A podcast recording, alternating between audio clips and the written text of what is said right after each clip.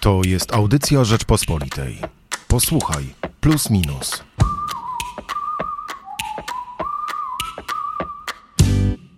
Nasza przyszłość jest już z nami. W ciągu dekady od ostatniego spisu ludności ludność Polski zmniejszyła się o 476 tysięcy osób. Może się wydawać, że to niewiele, ale prognozy demograficzne pokazują, że w ciągu najbliższych trzech dekad, czyli do 2050 roku, ludność naszego kraju skurczy się o blisko 4 miliony osób. Czyli o 10% tak właściwie, a ten proces już trwa. Według spisu przeprowadzonego w tym roku, czyli Narodowego Spisu Powszechne, po, Powszechnego Ludności e, i Mieszkań, tak naprawdę wyniki w tym roku były e, wstępne opublikowane, spis był przeprowadzony w zeszłym roku. Co piąty mieszkaniec lub mieszkanka Polski już dzisiaj ma 60 lat, a w 2050 roku polskie społeczeństwo będzie składać się w blisko 1 trzeciej z seniorów.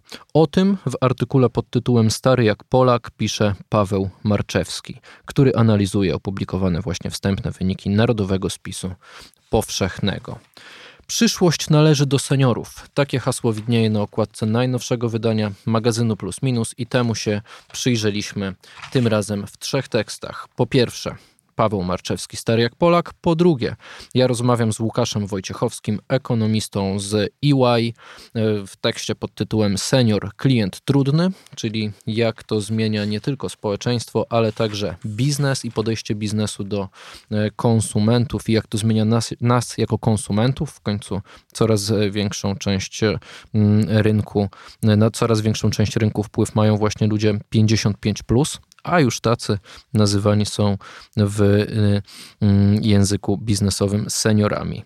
Piotr Zaręba dalej o nieoczekiwanej zmianie miejsc przygląda się temu, jak to wszystko wpływa na politykę, bo Platforma Obywatelska e, już od ostatnich tygodni udowadnia, że tak naprawdę idzie w licytację na program socjalny z prawem i sprawiedliwością. No, wynika to właśnie z tego, że coraz więcej do powiedzenia e, także na tym rynku politycznym, wyborczym mają właśnie seniorzy. Ale w plusie minusie przyglądamy się też innym tematom, też po części związanych, związanym na przykład właśnie z ekonomią i z wyzwaniami, które przed nami, z którymi już tak naprawdę cała Europa musi się zmierzyć, o cenowym bólu głowy. Kawałek dalej pisze Jędrzej Bielecki. Jędrzej przygląda się temu, e, jak bardzo inflacja w tej chwili e, wywraca całą europejską politykę i stawia Zachód przed dylematami no, nieznanymi przynajmniej od dwóch pokoleń, czyli, e, czyli e, od e, właściwie początku XXI wieku. Rosnące koszty życia to prosta droga do niepokojów społecznych. Stawia taką, stawia taką tezę Jędrzej Bielecki. Dalej Bogdan Guralczyk pisze o tym, jak powstał Orbanistan, ile władzy, tyle wolności. Mamy też teksty o tym, co się dzieje w Azji Południowej, a dzieje się no, nieciekawie. Nie tylko e, powracający wirus COVID-19, ale także olbrzymie problemy no, z inflacją, z kryzysem gospodarczym. Najlepiej widoczne w tej chwili e, na Sri Lance, czyli na wyspie Ceylon. Ceylon na dnie, pisze Mariusz Janik i wyjaśnia, jak doszło praktycznie już do bankructwa tego, mm, e, tej rajskiej wyspy, raju turystycznego. Jacek Borkowicz Kawałek dalej już w dziale kultury magazynu Plus Minus e, przygląda się e, wydanemu zbiorowi esejów naszego redakcyjnego kolegi Jana Maciejewskiego. Milczenie katedry. Pod takim tytułem wyszły eseje, które wcześniej były oczywiście w formie felietonów publikowane w magazynie e, Plus Minus tyle, że jakie się zbierze w całość, jakie się e, dobrze zredaguje, ustawi, w sensie, e, żeby poszukać nowego sensu w dywagacjach Jana Maciejewskiego, to rzeczywiście ten nowy sens, jak pisze Jacek Borkowicz, można znaleźć. Więc i Państwu polecimy Milczenie Katedry Jana Maciejewskiego, zbiór felietonów z magazynu Plus Minus. Ale jeszcze dalej mam jedną rozmowę, którą też Państwu chciałbym polecić. Eliza Olczyk rozmawia z Piotrem Marcina, Marciniakiem, politologiem, dyplomatą, byłym działaczem Unii Pracy, który po pierwsze mówi o tym, że lewica nie wyciąga wniosków, a po drugie, że czas PiS i PO się skończył w fascynującej rozmowie. Jeszcze więcej podobnych wątków Państwo znajdą. Więc zapraszam do kiosków oraz na rppl, a jeszcze sobie w tym podcaście chwilę porozmawiamy o tym, o czym najwięcej w najnowszym wydaniu Plusa Minusa, czyli o przyszłości, która należy do seniorów. Plus minus. A dziś o starzeniu społeczeństwa porozmawiamy w redaktorskim duecie. Ja nazywam się Michał Płociński, a jest ze mną Hubert Salik. Starzenie się społeczeństwa rodzi liczne wyzwania. Moglibyśmy takie wymieniać i wymieniać i wymieniać, ale może porozmawiajmy o tym, czy my już e, potrafimy i czy już zaczęliśmy tak naprawdę na te wyzwania odpowiadać, zaczęliśmy do nich się przygotowywać. Jak myślisz, traktujemy je poważnie? Jesteśmy na nie przygotowani? Czy to jeszcze za wcześnie, żebyśmy się tym zajęli? Myślę, że w ogóle nie traktujemy poważnie zagrożeń, które są długoterminowe. E, mówię tu głównie o mm, politykach tak naprawdę, bo e, diagnozy stawiane przez różnego typu NGOs czy różnego typu mm, think tanki e, są zwykle mm, no, dosyć jednoznaczne, zarówno te dotyczące mm, demografii, jak i innych zjawisk, które w długim terminie e, zmieniają strukturę społeczną albo w ogóle polityczną, albo też wpływają na życie przyszłych pokoleń. To jest duży problem, dlatego że większość z tych rozwiązań wymaga jednak podjęcia szybkich, wczesnych decyzji i wdrożenia pewnych e, działań, które e, będą się toczyły przez dekady. Po pierwsze, musimy wzmocnić instytucje chyba bo też dużym e, problemem będzie, no oczywiście zapewnienie opieki zdrowotnej i tak dalej. Dużym problemem będzie zmiana zasad redystrybucji społecznej. Czy, y, Wzmocnienie czy, czy, instytucji ty, jest... Ale, ale, czy ty widzisz w ogóle jakąś taką y, opcję polityczną albo, albo poważną, poważną grupę, poważny think tank, który, który tym się dzisiaj zajmuje? Myślę, że tutaj istnieje pewna analogia do mm, korporacji, do firm, e, zwłaszcza tych dużych. Mm, w wielu firmach mm, zarządy są rozliczane z osiągnięcia celów, które są rozkładane w cyklach rocznych, czyli na przykład osiągnięcia zysku, zysku operacyjnego, osiągnięcia jakiegoś benchmarku, który pozwala wycenić skuteczność pracy. Natomiast e, ewolucje w poważnych firmach nie dokonują się w ciągu roku. E, I nawet jeśli firmy mają strategię, to często prezesi tych firm e, no, opuszczają swoje stanowiska dużo wcześniej, nim, nim dojdzie do dojdzie do zrealizowania tej strategii, czy, czy zmiany funkcjonowania firmy. Mm, żeby, mm, żeby no, zobaczyć, czy ona będzie konkurencyjna po wdrożeniu pewnych zmian. Ta analogia tutaj y, jest po prostu przeniesiona na cztery, na cztery lata i ewidentnie widać też po ostatnich rządach, e, które mm, nie zdecydowały się, rządach PiSu, Zjednoczonej Prawicy, które jednak nie podjęły żadnych chyba poważnych wyzwań w sferze, w sferze, w sferze reform strukturalnych, e, zajęły się, no, wszyscy, niektórzy mówią, rozdawnictwem. E, program 500, który tutaj jest istotny, będziemy rozmawiali o demografii, no, wydaje się z perspektywy czasu, a nawet z perspektywy momentu wprowadzenia, programem e, no, stricte politycznym, mającym na celu zdobycie poparcia. Niestety bardzo szkodliwym teraz po paru latach na to patrząc, bo on zmienił e, scenę polityczną na bardziej demagogiczną. Teraz trudno komukolwiek odrzucić projekt 500 albo go pogrążyć, tak? Nawet z punktu widzenia tego, zarówno z punktu widzenia finansów publicznych, bo obciąża budżet, jak i skuteczności demograficznej. No ale to jest dyskusja, wiesz, sprzed paru lat, kiedy e, Platforma Obywatelska ustami jeszcze Grzegorza Schetyny obiecywała rozszerzenie tego programu na pierwsze dziecko, co zresztą niedługo potem zrealizowało same Prawo i Sprawiedliwość. Teraz mamy inną dyskusję. Teraz mamy dyskusję, jak walczyć i czy w ogóle walczyć z inflacją i w jaki sposób ratować e, Polaków, także pracujących na przykład w sferze budżetowej, e, przed skutkami kryzysu. I tutaj widzimy, o czym zresztą pisze w najnowszym magazynie Plus Minus Piotr Zaręba, mamy e, przyjęcie tego sposobu e, myślenia o państwie, o gospodarce, jaki narzuciło Prawo i Sprawiedliwość, bo Platforma Obywatelska poszła tak naprawdę w licytację. W licytację, którą jeszcze parę lat temu sama by nazwała rozdawnictwem. Tak, ale sam teraz wróciłeś jak gdyby do dyskusji też sprzed paru lat. 500 e, plus jest tu istotne w tej rozmowie, dlatego że to nie jest rozwiązanie strukturalne. E, nie Jak... poprawiło demografii. Bo nie mogło, nie jest rozwiązaniem strukturalnym. Tak? E, to, o czym pisze na przykład autor tekstu otwarciowego, analityk Fundacji Batorego, to jest propozycja wprowadzenia rozwiązań, które zadbają o komfort, tak, żeby kobiety w wieku reprodukcyjnym miały dzieci. E, oczywiście rozdanie pieniędzy jest jakimś komfortem, ale najważniejsze jest tak, dostępność do żłobków, przedszkoli, e, możliwość e, jednoczesnej pracy zarobkowej albo takie wsparcie, żeby ta jednoczesna praca zarobkowa nie była konieczna, gdy ma się e, wiele, e, wiele potomstwa. E, to są jakieś rozwiązania strukturalne. Przyjęto taką konstrukcję no, CEPA. Jeśli ty mówisz trzeba wzmocnić instytucje, to problem trochę z hasłem wzmocnić instytucje dotyczy ciągle nieokreśloności tego hasła. Co znaczy wzmocnić instytucje?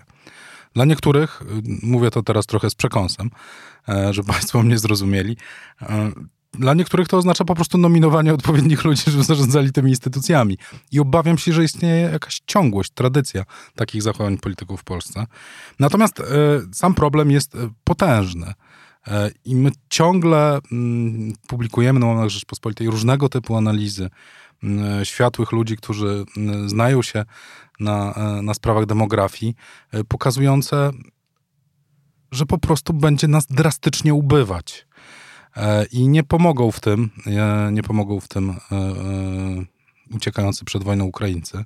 Bo zresztą, jak piszemy w najnowszym plusie minusie, musiałaby ich przybywać 250 tysięcy rocznie, żeby w ogóle utrzymać te wskaźniki demograficzne, które mamy dzisiaj. No ten wskaźnik demograficzny tak naprawdę jest udział e, ludności produkcyjnej e, w całej ludności, wynosi około 38% teraz. 38% to nie jest dużo. I e, utrzymanie tego wskaźnika do końca dekady, do 2030 roku, a już mamy 22, no oznaczałoby, no myślę, że teraz już około 9 milionów. E, osób, które w wieku produkcyjnym musiałby zasilić gospodarkę. E, no, nie, nie ma szans, żebyśmy to zrobili. Dlatego niepodjęcie działań e, przez poprzednie rządy i poprzednie rządy Platformy Obywatelskiej też w jakimś stopniu no jest, niesie ze sobą poważne konsekwencje. No, mm. Gorzej, że nie widać, żeby była jakaś szansa zmiany, o czym zresztą piszemy w najbliższej przyszłości, no bo do wyborów 2023 roku to kryzys i problemy finansowe będą wyznaczały problemy e, polityczne. A co potem? Czy musimy sobie jasno powiedzieć, że e, no, Polska, która była krajem e, jednokulturowym, homogenicznym pod względem no, koloru skóry, wyznania, takim krajem no, nie, nie może być tak w przyszłości. Nie, jeśli mamy utrzymać standard życia, jeśli nawet negujemy, że jest wysoki, to obecny standard życia, no po prostu musimy się stać bardziej mm, państwem, e, no, mm, bardziej zróżnicowanym. E, nie, musimy się nastawić po prostu na migrację. Jeśli nie jesteśmy w stanie, a wygląda na to, że nie jesteśmy w stanie podjąć odważnych decyzji, które miałyby zmienić e, strukturę społeczeństwa, a zwłaszcza zwiększyć przyrost naturalny. No mamy tutaj trzy takie powody, e, czy trzy takie punkty zaczepienia, które e, nas skłoniły do tego, by się przyjrzeć starzeniu się społeczeństwa kolejny raz i kolejny raz na poważnie. E, po pierwsze ta licytacja wyborcza. Zauważyliśmy, że i, i o czym pisze Piotr Zaręba, zauważyliśmy, że Platforma już mocno poszła na pozycje socjalne i licytacji, na pomysły tak naprawdę typowo takie etatystyczne, prawda, w gospodarce. Zauważyliśmy zauważyliśmy też e, kolejną rzecz, do której możemy przejść, że e, zmienia się trochę podejście w domów mediowych, e, telewizji i w ogóle całej branży marketingu do tego, kim jest dzisiaj klient, ten, który wydaje dużo pieniędzy. Wcześniej mieliśmy tak zwaną grupę komercyjną. Telewizje, jak mierzyły popularność swoich programów, to mówiły i, i chwaliły się tym, że w grupie komercyjnej ogląda nas tyle i tyle, a tą grupą komercyjną by, byli ludzie w wieku 16 16-49 lat. Pytanie, czy, czy dalej jest sens y, utrzymywać y, właśnie takie widełki, prawda? W momencie, kiedy tych Polaków powyżej 49 lat będzie coraz więcej, a już dziś widzimy, że ludzie, którzy mają 55-60 lat, y, tak naprawdę dysponują dużymi pieniędzmi i ich wzorce konsumpcyjne w sumie są dosyć podobne do ludzi młodych, bo jak patrzę na moich znajomych, którzy mają powyżej 50 lat, to często są gadżeciarze, którzy też wydają kupę kasy e, na rynku. Myślę, że to podejście od zupełnie innego e, z innego boku, nawet nie z innego końca e, do, do tego problemu, mm, problemu demografii, starzenia się społeczeństwa. Bo to, jak sobie firmy definiują grupy konsumpcyjne, no jest troszeczkę sprawą drugorzędną, czy przesunął, te, e, przesunął mm, grupy trochę dalej wiekowo, czy to będzie grupa 25-55. Tak naprawdę dla samego społeczeństwa nie ma to aż takiego znaczenia. Mm, znaczenie natomiast ma, e, o tym wspomniałeś, i to jest jeden z powodów, dla których zajęliśmy się demografią e, i jak wpłynie na społeczeństwo i politykę, pewna unifikacja w obrębie partii politycznych, które tak naprawdę poszły no, dosyć takim, można powiedzieć, prospołecznym, ale myślę, że liberałowie mm, powiedzieliby nawet socjalistycznym, e, socjalistycznym rytmem, czyli mm, likwidują pewne ryzyka z życia e, obywateli poprzez mm, rozdawanie pieniędzy, przez dotowanie, e, dotowanie tych miejsc, gdzie obywatele czują dyskomfort. Oczywiście ma to sens, o ile odbywa się w ramach, tu wrócimy trochę do hasła, w pewnych ramach strukturalnych, ale e, o tym też piszemy na Rzeczpospolitej. Jeśli w sytuacji inflacji e, daje, państwo daje tych pieniędzy więcej grupom, które cierpią z powodu inflacji, no tak naprawdę zwiększa podaż pieniądza i zwiększa w przyszłości groźbę inflacji, e, czyli dolewa benzyny do ognia.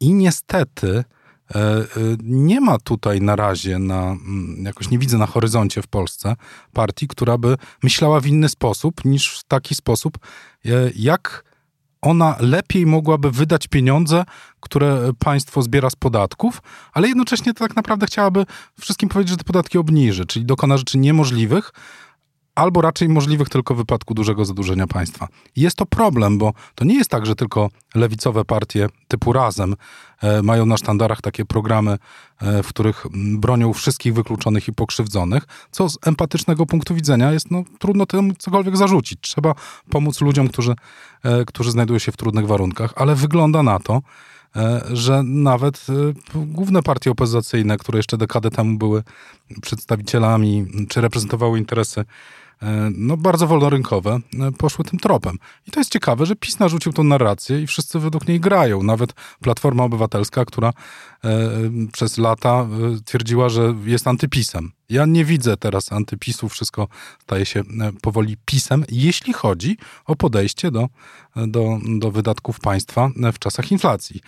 Nie jeśli chodzi o wartości. Ja tu o grupie komercyjnej, o starszych e, konsumentach. Myślałem, że sobie o biznesie pogadamy, o sieciach handlowych, o ofertach przez biznes kierowanych teraz, które no, będą musiały się coraz o częściej pojawiać. Typu GoSport? O tym też moglibyśmy tutaj, to akurat nam ładnie się wiąże z innym tematem, o którym też przecież piszemy, czyli wojna w Ukrainie i problemy z sankcjami. No, przecież było w Rzeczpospolitej w tym tygodniu, że, że już firmy się odwołują od tych y, y, sankcji na nich, na nie nałożonych. No ale myślałem, że więcej o biznesie, a ty ciągle w politykę i w politykę. Dobrze, Hubert. Ja ciągle w pieniądze. To nie mówmy w takim razie o a tym biznesie. To pogadajmy jeszcze chwilę sobie na koniec naszego dzisiejszego podcastu y, o poglądach, bo kolejnym problemem ze starzeniem się społeczeństwa, problemem politycznym, jak tak bardzo chcesz, jest to, że młodzi będą mieli bardzo mały wpływ tak naprawdę na kształtowanie się rządu, na kształtowanie się władzy, bo już teraz procentowo jest ich naprawdę niewielu względem do tych starszych e, roczników, a z czasem będzie ich jeszcze e, e, relatywnie mniej. Czy to znaczy, że teraz wszystkie pomysły będą narzucać starsi, to ich sposób myślenia o świecie będzie królował, czy to nie jest wcale takie oczywiste?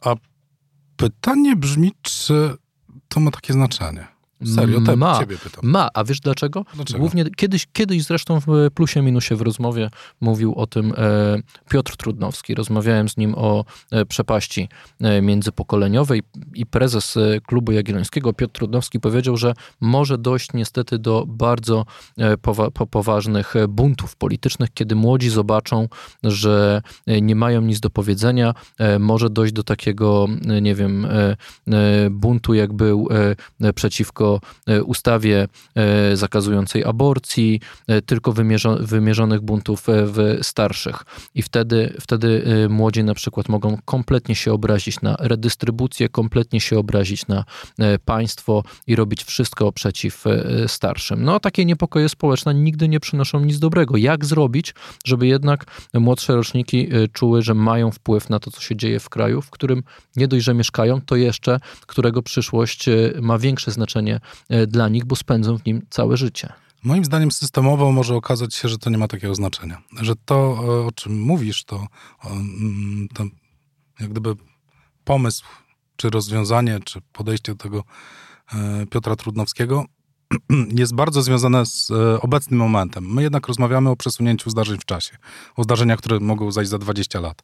A na razie, tak widząc tego, tak obserwując, co się dzieje, mm, widzimy e, zjawiska, które e, powodują zmniejszenie bezpieczeństwa e, życia, tak, zdecydowanie z bezpie- bezpieczeństwa życia po każdej, w każdej z grup wiekowych, czyli e, pauperyzacji e, w starszych grupach wiek- wiekowych, a w młodszych grupach wiekowych braku dostępu do dóbr, które wcześniej były uzna- uznawane za powiedzmy nie tyle podstawowe, ale takie cele życiowe. Mówimy tu oczywiście o mieszkaniach, w głównej mierze, które są bardzo drogie, e, a przy wysokich stopach procentowych mających na celu zmniejszyć, ograniczyć e, podaż pieniądza, a więc inflację, e, również znajdują się poza zasięgiem młodych ludzi.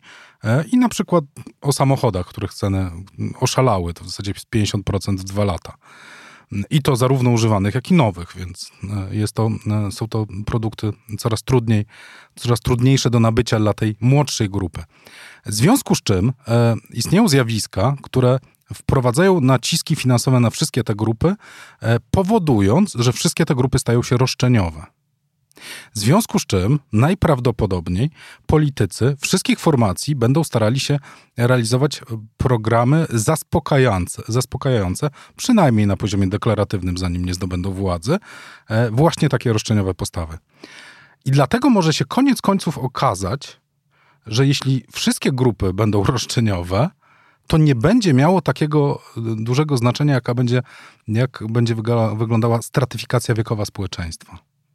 E, I to jest bardzo zjawisko niebezpieczne, bo to oznacza zwiększenie natężenia e, popularności ruchów populistycznych, które było widoczne przez ostatnią dekadę i było przedmiotem poważnej krytyki ze strony zarówno politologów, jak i ekonomistów. No ale wiesz, jeżeli będzie, będą się liszczyły wyłącznie roszczenia, a politycy będą e, patrzeć wyłącznie na słupki poparcia i decydować, komu dać, a komu nie, czyje postulaty uwzględnić w kampanii wyborczej, jakie programy zrealizować, to młodzi, którzy na przykład będą e, optować za przedszkolami, za żłobkami, za placami zabaw dla dzieci, za rozwiązaniami właśnie takimi, których potrzebują młodzi rodzice albo młodzi single, nie będą mieli szans e, w starciu ze starszymi, którzy będą potrzebowali opieki zdrowotnej, e, emerytur itd., tak itd. Tak Ale tu wracamy tak naprawdę do tego, jak mądrzy będą politycy przyszłości czy będą, i wracamy znowu do tego samego problemu, z którym się borykamy, czy będą podchodzili do problemów strukturalnie. E, chciałbym też zwrócić uwagę, że tak naprawdę te relacje społeczne, one są e, dużo bardziej skomplikowane niż taki prosty podział, bo e, ci starsi, powiedzmy, że 60 plus, mają wnuczków, tak? W ich interesie jest też, żeby ci wnuczkowie e, mieli, m, mm, mieli e, dostęp do podstawowych dóbr, podstawowych z ich punktu widzenia, kiedy oni byli młodzi. Oczywiście nie, zmniejszająca się dzietność sprawia, że więcej jest rodzin bez dzieci. Możliwe też, że singlów, bo liczba rozwodów i w ogóle zjawisko e, życia, m, niebudowania rodzin czy trwałych związków też narasta. Natomiast bardzo trudno ocenić, jak bardzo takie e, miękkie powiązania e, będą oddziaływały na zachowania i oczekiwania społeczne w przyszłości. Można to ocenić, ale jest to obarczone tą wizją z teraz. Nie wiemy, jak, jak będą reagowały na, na, na żądania czy niepokój własnych dzieci będą reagowali rodzice, którzy znajdują się w innych grupach wiekowych. Tak?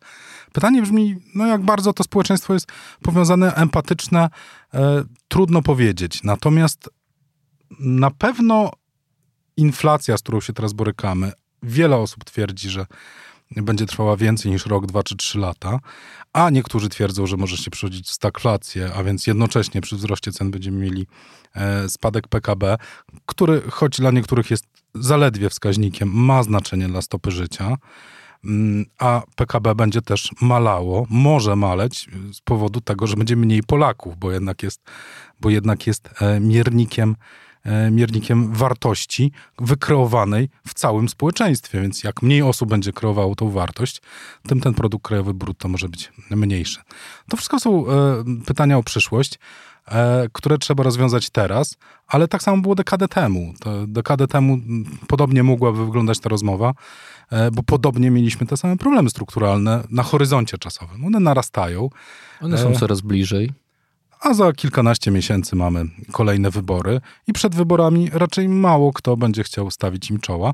Aczkolwiek może znajdzie się polityk przyszłości, który będzie obdarzony charyzmą i będzie w stanie zbudować ciekawą propozycję i będzie w stanie niektóre z tych problemów, które są w zasięgu rozwiązywania państw w tym zglobalizowanym świecie, mm, zmienić, podjąć. No, ja nie mam żadnych wątpliwości, że wielu z tych polityków sięgnie w ten weekend po magazyn Plus Minus i zobaczy e, ten problem e, w nowym świetle rozpisanym na problem socjologiczny, polityczny, ekonomiczny, tak jak to zrobiliśmy w najnowszym e, numerze.